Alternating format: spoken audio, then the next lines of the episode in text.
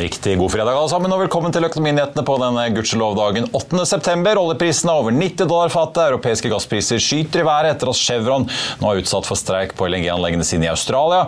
Budfristen på Kahoot er bare tre timer unna, nå like før det er helg. Og apropos bud, Unifon, som i da sommer ønsket å kjøpe Nortel, melder fredag at de nå har fått over 90% aksept fra aksjonærene i mobilselskapet til Christian Pritchard. Aksjen for øvrig uendret i dag. I dagens sending skal vi snakke med lederen for Storbrann Asset Management og styrelederen i Position Green, der sistnevnte i dag har avduket hvor gode de 100 største noterte selskapene i Skandinavia egentlig er på ESG-rapportering. Fjor kom bl.a. Borregaard ut på topp. Hvem som topper listen i år, det får du høre mer om litt uh, senere.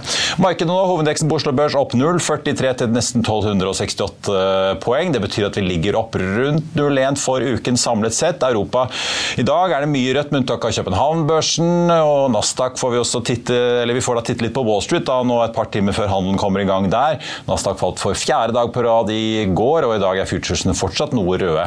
Det var bare Dow Jones som endte i pluss i eh, går. Nordsjøoljen har svingt litt eh, over og under 90 i dag, men vi er altså på nivåer vi ikke har sett siden november. Equinor, Vår Energi og Aker BP er alle opp i dag, og bidrar selvfølgelig da til kurs, eller løftet da i hovedindeksen.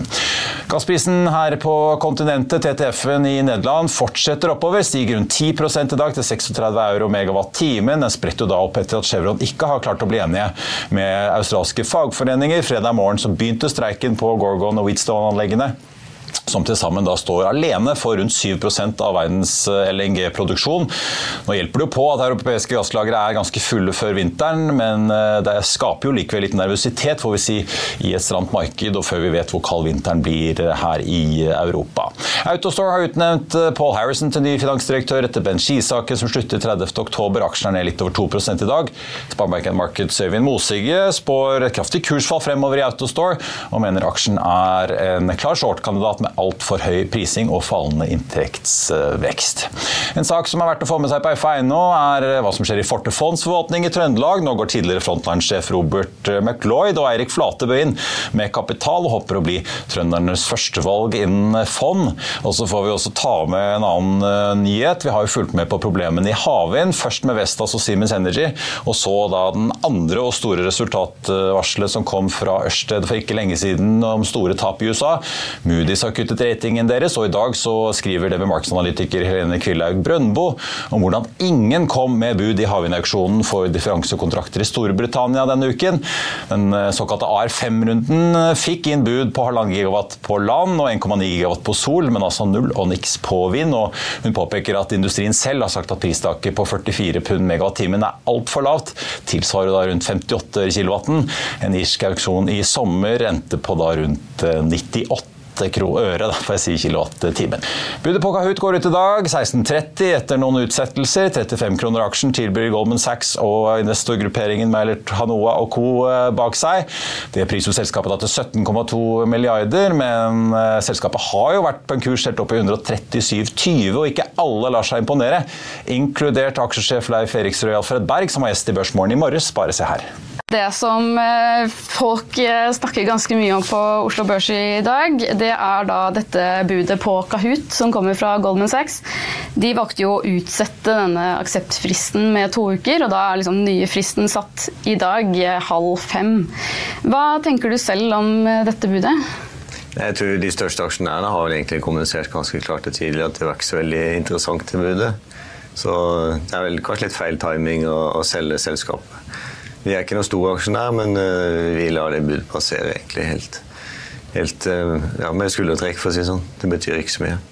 Nettopp, for Dette budet priser jo eh, Kahoot til 35 kroner per aksje, altså da en totalpris på 17,2 milliarder kroner. Og dere har 1,5 millioner aksjer i Kahoot, stemmer det? Ja, noe sånt. Det stemmer. Mm. Dere har ikke vurdert å selge før uh, eventuelt budprisen går ut, som mange aktører har gjort for dere? Altså, Vi har egentlig nylig kjøpt aksjen, så vi har ikke vært med så veldig lenge. Så vi følte egentlig at ok, ja, for et år eller to siden så var jo selskapet altfor høyt priset. Men aksjen har vært svak over ganske lang tid og begynte å liksom komme litt til hektene igjen. Eh, og vi føler det er måte, ikke riktig timing å selge eh, på de kursene som er nå. Har dere tjent noe på Kahoot i det hele tatt? Uh, nei, vi begynte å kjøpe sånn akkurat rett før budet kom, så det, det var ikke noe sånn større volum uh, vi fikk tak i før budet kom. Så vi vel egentlig den siste resten da etter budet kom, så det er det vi kjøpte på det. Millions of people have lost weight with personalized plans from Noom, like Evan, who can't stand salads and still lost 50 pounds. Salads generally for most people are the easy button, right? For me, that wasn't an option. I never really was a salad guy. That's just not who I am. But Noom worked for me. Get your personalized plan today at Noom.com. Real Noom user compensated to provide their story. In four weeks, the typical Noom user can expect to lose one to two pounds per week. Individual results may vary.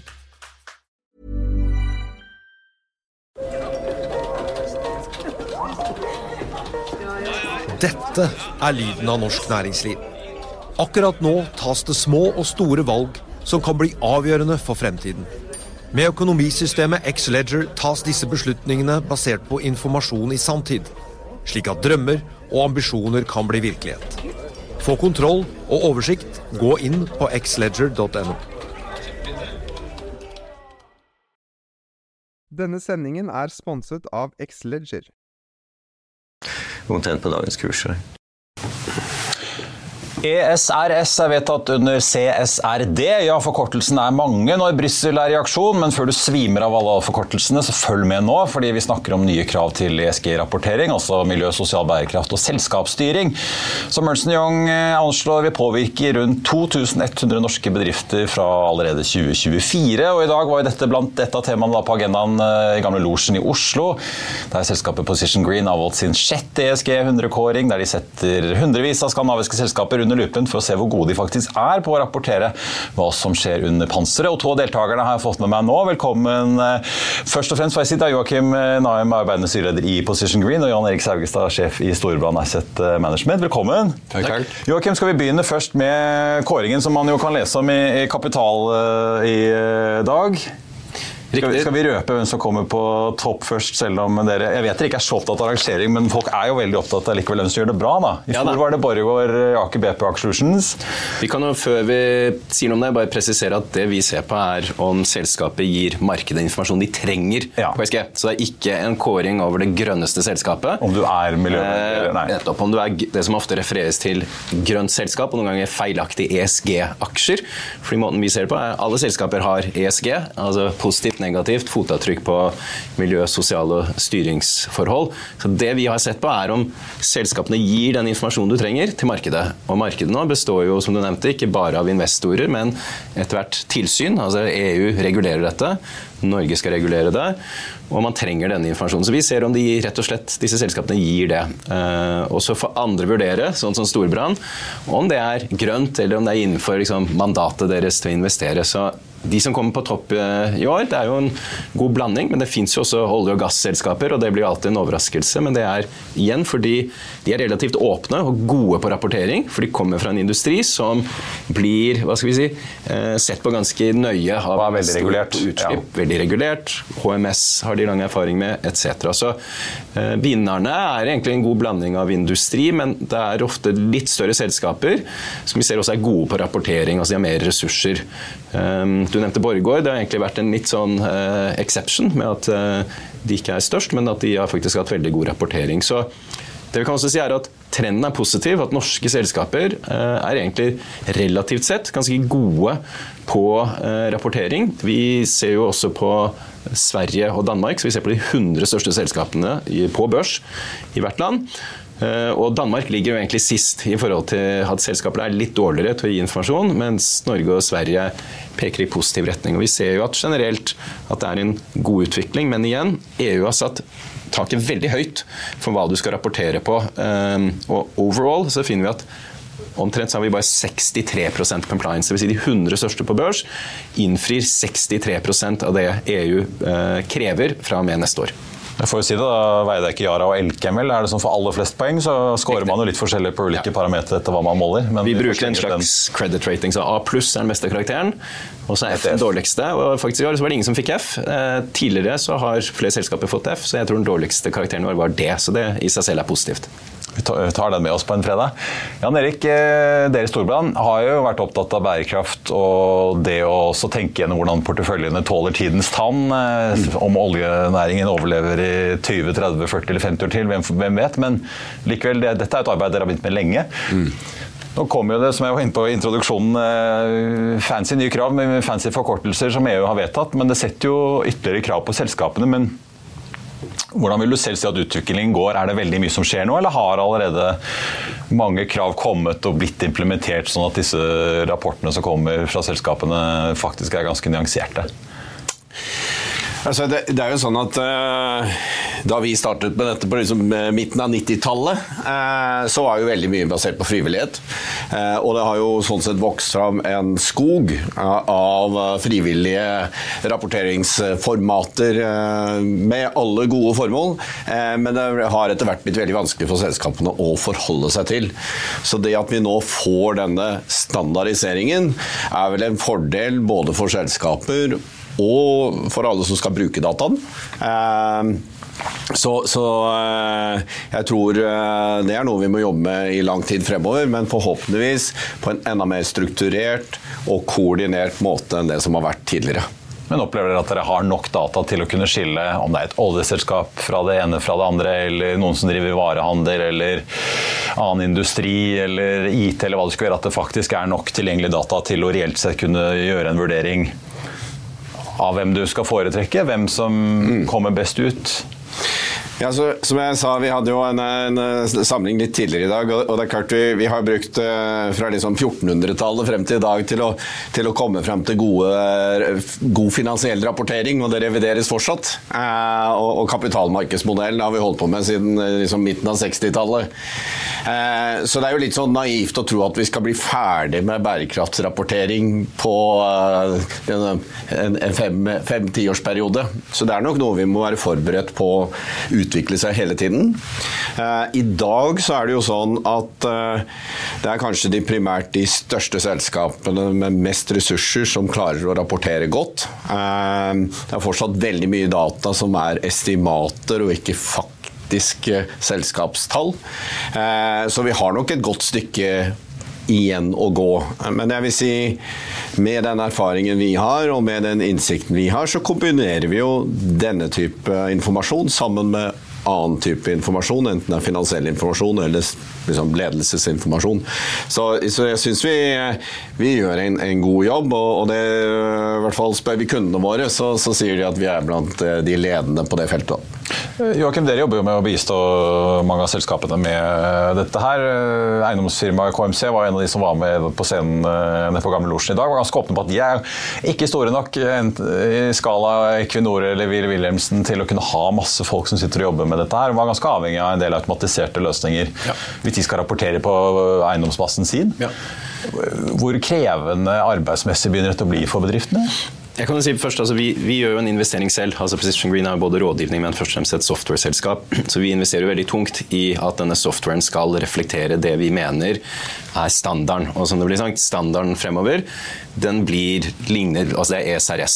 Og samtidig så har du IFRS, som man kjenner igjen fra, fra vanlig regnskap. Vanlig regnskap. Men de beveger seg i den samme retningen, dvs. Si at den ligner veldig på ESRS, og du får egentlig en konsolidering. Og det er kjempebra, for selskapet som ble nevnt har måttet rapportere i hytt og pine. Og den, den andre tingen som er veldig bra med at det reguleres nå, og ESRS, er at du skal fokusere på vesentlighet. Ikke all informasjon kan være vesentlig. Så selskapet kan føle seg overveldet at de skal dekke fra A til Å, alt som slenges inn i denne ESG-paraplyen fra mangfold til klimautslipp. Så det som hjelper her også, er at du skal bruke tiden din på færre disclosures, færre tall, men da skal du være bedre på dem, og du skal liksom måle deg også performance-messig. Så det er ikke bare disclosures, du skal også bruke dette. Så det vi ser, er jo at selskaper har ofte behov for å samle inn dataen, og så bruke dataen til to formål. Én er liksom å gjøre noe strategisk i forhold til hva de skal oppnå selv, og det andre er for å egentlig åpne opp til investorer og andre og si at du må gjerne kikke oss i kortene, eh, akkurat sånn som på finanstall. De er åpne, og det er ikke noe vi skal gjemme oss bort rundt. Så dette driver jo egentlig i riktig retning, selv om det er krevende. Så tror vi at det å bruke tid på dette vil lønne seg, ikke bare compliance-messig, som vi snakket om i dag tidlig, men også for å gjøre deg mer investerbar, og også for å da faktisk ha reelle forbedringer på enten om det er å redusere utslipp eller en bevissthet rundt eh, leverandørkjede og mennesker som eh, arbeider i den leverandørkjeden. Ja, det begynner jo å bli ganske håndfaste ting som skjer. Apropos KMC snakket om at eiendomsbransjen møter jo nå snart krav som gjør at de, de kommer ikke til å få leid ut bygg som ikke er energieffektive nok. Mm. Mm. Da er det mer enn at bare én aksjonær nei, de tar hele et annet eiendomsselskap ditt. Altså, da begynner det å bli veldig på en måte dramatiske konsekvenser på bakken for mange av disse selskapene. Da. Ja, og, og, det er jo det at, at uh, dette handler jo både om hvordan uh, selskapet påvirker sine omgivelser, enten det er klima, Uh, natur, sosiale forhold, men også hvordan de selskapene blir påvirket. Og, og, Derfor så uh, ga jeg også et, et, innspill til selskapene at dette er viktig at man løfter opp til styrenivå. For dette handler egentlig om forretningsstrategi. Uh, forstå muligheter og sårbarheter. Uh, og, og, selvsagt hvilken påvirkning man har, har også en betydning for hvilken finansiering man får. og det er klart Her strammes det inn både fra bankenes side i forhold til utlån og krav til låntaker. Eh, og også fra egenkapitalsiden eh, gjennom både i børsnoterte selskaper og, utenfor børs. Så eh, tilgangen på kapital vil, vil, være en faktor man også må ta høyde for her. Ja, altså vi ser jo det altså, seismikk og offshore. Selv om det lysner der, så er det fortsatt ganske høye rentenivåer de må ut med om dagen. Er det en effekt av, tror du, at folk ser på dette som en solnedgangsindustri, eller? Jeg, jeg, tror egentlig vi har beveget oss litt i, i, rundt dette arbeidet med bærekraft og bærekraftige investeringer fra tidligere en diskusjon om hva investerte man i og hva investerte man ikke i. Jeg tror det nå er en anerkjennelse av at vi trenger veldig mye av den industrien vi har i dag, men hvordan kan vi sammen, vi som investorer og selskapene, klare å få til den forflytningen som er nødvendig? Eh, altså det man snakker om transition.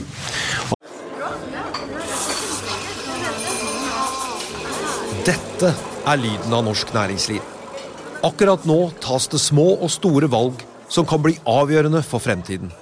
Med økonomisystemet X-Leger tas disse beslutningene basert på informasjon i samtid, slik at drømmer og ambisjoner kan bli virkelighet. Få kontroll og oversikt, gå inn på xledger.no. Denne episoden er sponset av van Brun, en fremtredende smykkeforhandler kjent for sitt brede utvalg av forlovelsesringer, gifteringer og diamantsmykker som bæres og elskes i generasjoner. Et frieri er en av de største øyeblikkene i livet, hvor forlovelsesringen er et tidløst symbol på kjærligheten. Valg av ring krever omtanke for både hvilket metall og diamant, med et bredt spekter av både naturlige og labdyrkede diamanter, og metaller som platina, gult gull, hvitt gull og roségull, hjelper de deg med å sette et personlig preg på din kjærlighetshistorie. Van Brun vil gjerne invitere deg til å prøve på tre av dine favorittringer fra nettsiden helt kostnadsfritt. Du kan også låne et bredt spekter av frieriringer, slik at du og din forlovede kan velge en ring sammen etter det store ja. Van Brun tilbyr 90 dagers åpent kjøp og 90 dagers gratis størrelsesjustering. Utforsk deres eksklusive sortiment i luksuriøse omgivelser. Bok en konsultasjon sammen med en diamantekspert i deres showroom i Oslo. Eller online på vanbrun.com. V-a-n-b-r-u-u-n.com. Og da er jo dette å få data og målepunkter underveis, da, nettopp gjennom denne type strukturert eh, rapportering, og for den del tilsyn, eh, et viktig verktøy. Jeg får så, legge til en ting. Altså det, det, er jo også oppsider her, da, for vi snakker jo litt om rapportering som en byrde. Og det ble også nevnt i dag at det er ikke alltid eh, kan være litt sånn gledesdreper å sitte med sånn tung rapportering. Men det vi ser, og vi ofte gir råd om til selskaper, er jo hvis du er god på dette, hvis du har en strategi med KPI-er som er målbare, ja, da kan du også se etter andre eh, muligheter med andre finansielle instrumenter, f.eks. obligasjoner. Du kan, det ble jo nevnt Sustainability Link Bonds, eller Green Bonds. gjør jo, men særlig Sustainability Link Bonds gjør jo at du kan gå til markedet og si her, dette er det vi skal oppnå over de neste 10-20 årene. Vil dere investere i oss? Eh, den obligasjonen Gitt at vi følger den planen. Ja, ikke sant? For obligasjonen, dette er jo da eh, ikke Green Bonds i forhold til at det er prosjekter, det er jo da selskapslån. Så det du egentlig investerer i, er jo strategien til selskapet. og de skal oppnå som et selskap. Ikke som en sånn batterioppgraderinger på to skip, men hele strategien for hele selskapet. Så går du til markedet og sier at her åpenhet, her er det vi skal nå, her er milepælene. Samtidig ser vi at banker tilbyr jo også finansiering basert på bærekraftskriterier. Igjen så må du jo ha noen måletall. Så så kan det diskuteres om man får eh, lavere renter eller sparer spare basispunkter på det, men du får iallfall tilgang til kapital. Eh, du kan jo korrigere meg hvis jeg tar feil, men det er jo eh, mye grønne penger som ser etter grønne eh, debt instruments på den måten at man vil gjerne ha mer. De er ofte overtegnet av disse sustainability link bondsene. Så det er jo en annen oppside, at du kan enten refinansiere eller få ny gjeld, hvor du sier at vi tror på kopiene våre på ESG. I hvert fall hvis du kan levere avkastning om dagen. Men Jan Erik ja, og, og, jeg tenker bare for å ta en replikk på det, da. Altså, for det handler jo mer om at du da kan få tilgang til en så bred investormasse som mulig. Eh, jeg tror forventningene til avkastning, også til grønne investeringer, absolutt er eh, høye. Eh, for det er jo grunnen til at vi jobber med bærekraft og integrerer bærekraft i vårt arbeid, er jo fordi vi tror det gir en god, langsiktig risikjustert avkastning. Jeg tenkte bare til slutt, Vi må også ta bare litt innom eh, Jeg leter jo seanse med, med deg, Pareto-sjef Kristian Jomås og den amerikanske ambassadøren, eh, som jo eh, kjenner Joe Biden godt. Så vi fikk jo et slags sånn innblikk i hvordan det tenkes bort i Washington. Ja. Vært, vi snakket jo om denne Inflation Reduction Act, som jo veldig mange i norsk industri også har snakket med. Mm. Vi ser hvordan Equinor nå investerer i karbonfangst i Mexicogolfen, samme Chevron, Frei, batterifabrikken. Mm. Virker jo nesten som de har sluppet alt de har i hendene i Mo i Rana for å bygge fabrikk i Georgia i stedet. Blir det kanskje fabrikk i Mo i Rana òg, men, men mm. de må prioritere den i Georgia rett og slett fordi at overfor aksjonærene så kan de ikke si nei til den muligheten med all den støtten de får i USA. Mm. Eh, vi spurte jo ambassadøren om dette her overlever hvis det ikke blir demokratene som vinner valget. Han mente at jo, det kommer det nok til å gjøre, kanskje under et annet navn, men at dette nå er så låst. Mm. Hva tenker du litt rundt den utviklingen vi har sett i USA? Ja, bare Ta det, det siste først. Jeg, jeg, jeg, er nok enig med han i det. Uh, dette kommer liksom etter flere programmer sånn som Build Back Better og annet. Og helt sikkert posisjonert uh, en litt annen retorikk, men vi skal huske at klart, næringsinteressene i USA påvirker amerikansk politikk i kanskje enda sterkere grad enn, her hjemme. Og dette her er jo åpenbart veldig stimulativt for næringslivet i USA, både på kort sikt fordi det stimulerer aktivitet, men også fordi det bygger teknologi og kompetanse, og de får kontroll på sin verdikjede innenfor eh, egentlig hele climate transition. Så, så, det tror jeg vil eh, overleve. Og så er det jo sånn De ulike, hva skal vi kalle det Regionene konkurrerer jo her egentlig om eh, både kompetanse og å tiltrekke seg de gode prosjektene og bedriftene. Og akkurat nå så er det ingen tvil om at eh, kapitalen søker mer mot USA. Og jeg nevnte tidligere i dag at de siste tolv månedene så har jo antall fornybare prosjekter i USA vokst med 39% det spørs om de klarer å bygge alt. Men påvirker det noe Vi, snakket om i dag hvordan liksom, Europa har jo tradisjonelt sett hatt mye strengere krav og regulering til selskaper. Det er høyere skatter på utslipp, CO2 og den type ting. Hva tror du det at amerikanerne kommer som en sånn godstog med masse subsidier og tiltrekker seg all den oppmerksomheten og investorinteressen og alle disse prosjektene, hva tror du det gjør på en måte også med hele saksfeltet? Vil, vil amerikanerne få mer å si for hva, hva, slags krav som også Europa setter, fordi Europa begynner å skule på hva Amerika finner på om dagen? Jeg tror du kan eh, ende opp i en situasjon hvor det blir en konkurranse mellom EU og USA. og Det vil allerede bli tatt opp på politisk nivå i EU at uh, blir dette litt som en sånn type handels... Uh, ikke sant? Sånn som man har sett med Kina, som også har gått tungt inn med, med subsidier eller grønne insentiver.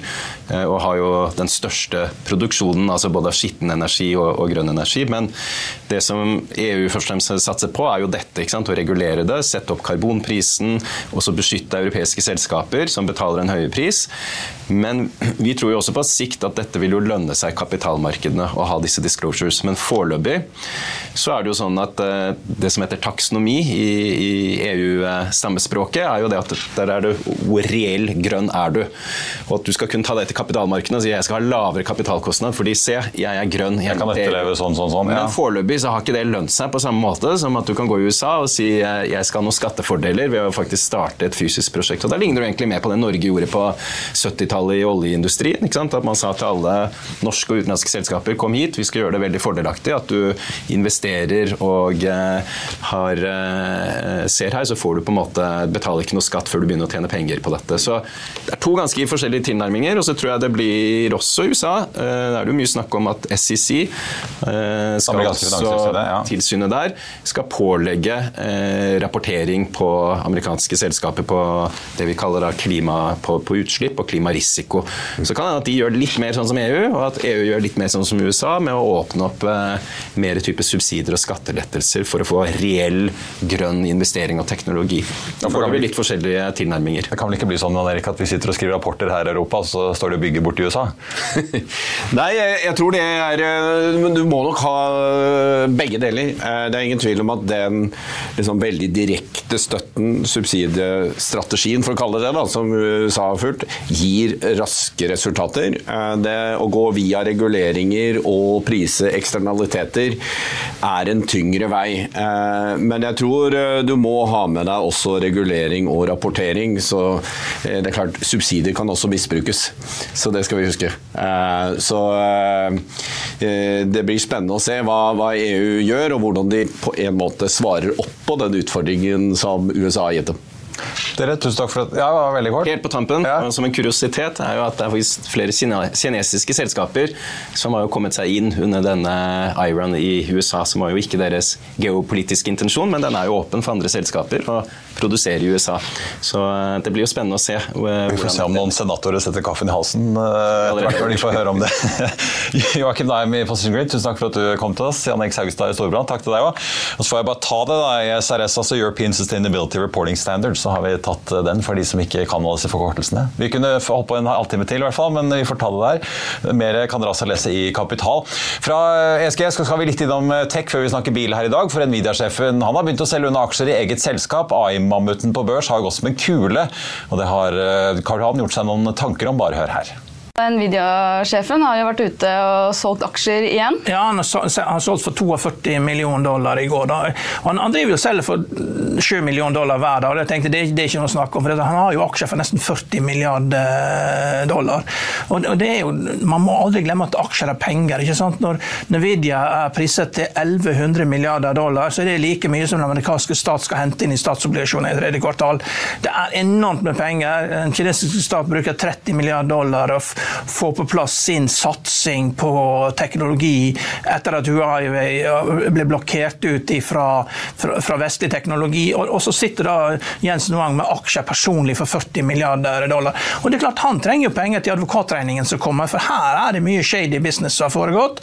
Og, og dess mer folk graver, dess mer kommer man til å finne ut.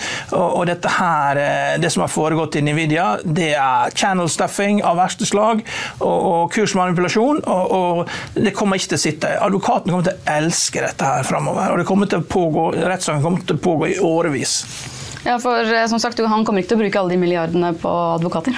Nei, Nei men advokaten har nok sett at han er rik, og de går jo etter de, de, går etter de største eh, De, eh, de liker jo å saksøke banker. Ikke sant? Det er pengene, ikke sant? Og han er jo som en bank, 40 milliarder i privat aksjeportefølje, så at han kommer til å bli saksøkt for neglingens. Og SSC er jo etter han, de sender jo brev til han, de har blitt tatt på dette før av SSC, altså Finanstilsynet i, i USA USA. og det er klart, Finanstilsynet i USA eh, de virker litt sløve av og til, men, men, men, når de kommer, så kommer de med full styrke. og Da er det ingen plass å gjemme seg. altså Da må du fram med lommeboka. Eh, når Karl Johan har funnet frem lommeboken, eh, får vi se. Vi får se om det blir børsmorgen på mandag. I hvert fall. Nå er det bilprat. I7 elektrisk SUV-serie og EQS elektrisk S-klasse kan vi nesten kalle det, Håkon Sæbø, programleder i FA og Mil etter mil. Hvordan var disse svære dåningene å kjøre? For de er jo svære. De er veldig elektriske storsedanene fra Tyskland. Og veldig tunge. BMW-en uh, tipper vel 2,8 tonn uh, når du setter deg inn i den. Mercedesen, jeg må jo trekke frem, det finnes jo en S-klasse. Den ordentlige S-klassen. Ja. Uh, den produseres jo parallelt med EQS, så om det er den elektriske S-klassen eller om det er noe litt annet. Ja, For BMW de kjører som det er samme modell i elektrisk eller bensinversjon. Eller dieselversjon. Så i Tyskland så Mercedes, du... der kjører de parallelle modeller. Riktig. Så i Tyskland kan du få syvserie med dieselmotor hvis du vil eh, ha det. Får det som leiebil hvis du lander i Frankfurt, mens eh, S-klassen ja. er elektrisk. Ja. Eller da EQS, da. Hvordan er disse eh, å ratte rundt versus de da, sine fossilsøsken? Du har jo kjørt generasjoner av S-klasser og Audi A-er alt som har vært opp gjennom årene.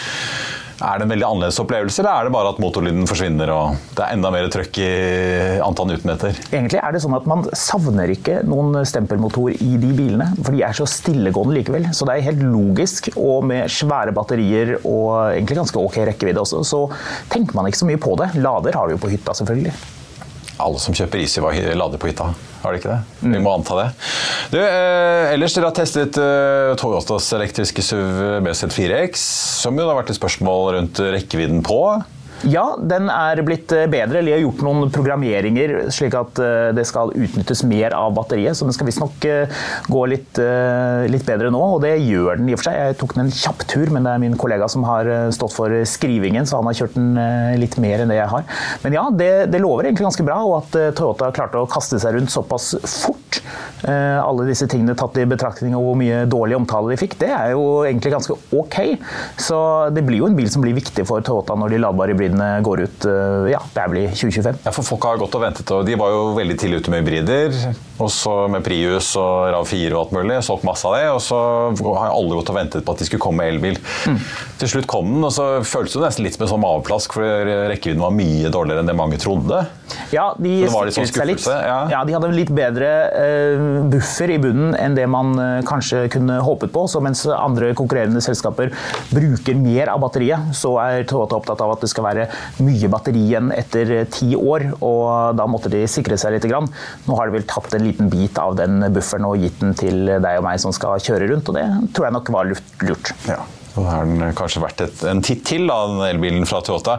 Du, Ellers i magasinet, dere skriver jo om Lotus som åpner butikk i Oslo. Prisene på Volkswagens hva skal vi kalle den, ID7 elektriske Passat. Men også en litt kuriøs eh, handel på hva kan vi kalle det, bruktmarkedet?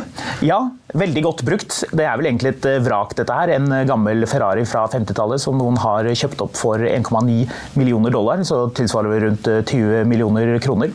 Og vår veteranbilekspert har snakket med en Ferrari-ekspert som eh, mener at det kanskje vil koste det samme å få den restaurert. Ja. Så om det lønner seg Alternativkosten begynner å bli høy, i hvert fall. Ja, vi får se. Takk skal du ha, Håkon. God helg. Masse å lese i FA Motor helgen også. Høg Autoliner stiger en, ja, nesten 0,9% i dag, til litt over 77 kroner aksjen. Det er all time high. Oppgangen kommer etter augustoppdateringen fra selskapet, der toppsjefen Andreas Enger forteller om et sterkt marked i bilfrakt. En annen aksje som er verdt å merke seg i dag, Hyon stiger nye, har vært opp over 20% ligger opp 19 nå.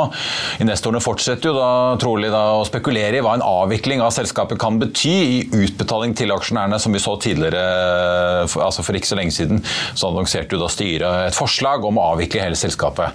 Eh, I regi, eller brevet får vi si var i regi av styreleder Otto Søberg. Self Storage Group stiger godt over 15 i dag, uten at det har kommet noen nyheter fra selskapet. Thor Medical, tidligere da Nordic Nano, stiger 10,7. En annen aksje som vi har snakket en god del om denne uken, er SalMar, som hadde kapitalmarkedsdag i Tromsø. Opp 3,5 i dag etter at Pareto Security Securities har høynet kursmålet fra 550 til 585 kroner aksjen. Gjentar kjøpsanbefalingen til sjømatkonsernet til Gustav Witzøe. Den ligger nå på 527,80. I Finansavisen i morgen på lørdag så kan du i tillegg til Trygves leder lese om Morgan Stanley som spår en årelang aksjonærfest i Equinor. Det er jo hyggelig for alle oss nordmenn, siden vi er indirekte aksjonærer alle sammen. Det blir profilintervju med Bjarne Brøndbo, som jeg for øvrig også får nevne er med i en spesialpodkast eh, her i Økonominyhetene som kommer i morgen på lørdag, sammen med Bilia Norge-sjefen. Og så blir det selvfølgelig masse annet bil, vin og helgestoff. På Oslo Børs nå, hovedindeksen er opp nesten halvprosenten til 1267. ser det ut til at vi ender uken så vidt i pluss.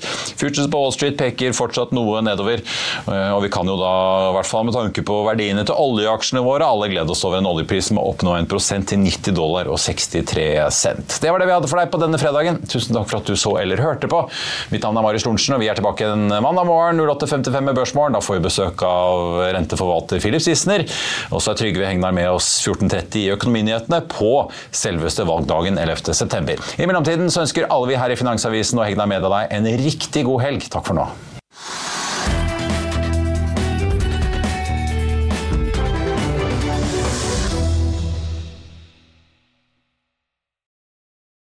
Denne sendingen er sponset av Xleger. Økonominyhetene er en podkast og videoproduksjon fra Finansavisen. Programleder er Marius Lorentzen. Aksjekommentator er Karl Johan Molnes. Produsent er Bashar Johar. Podkast- og videoansvarlig er Marius Mørk Larsen. Og ansvarlig redaktør er Trygve Hegnar.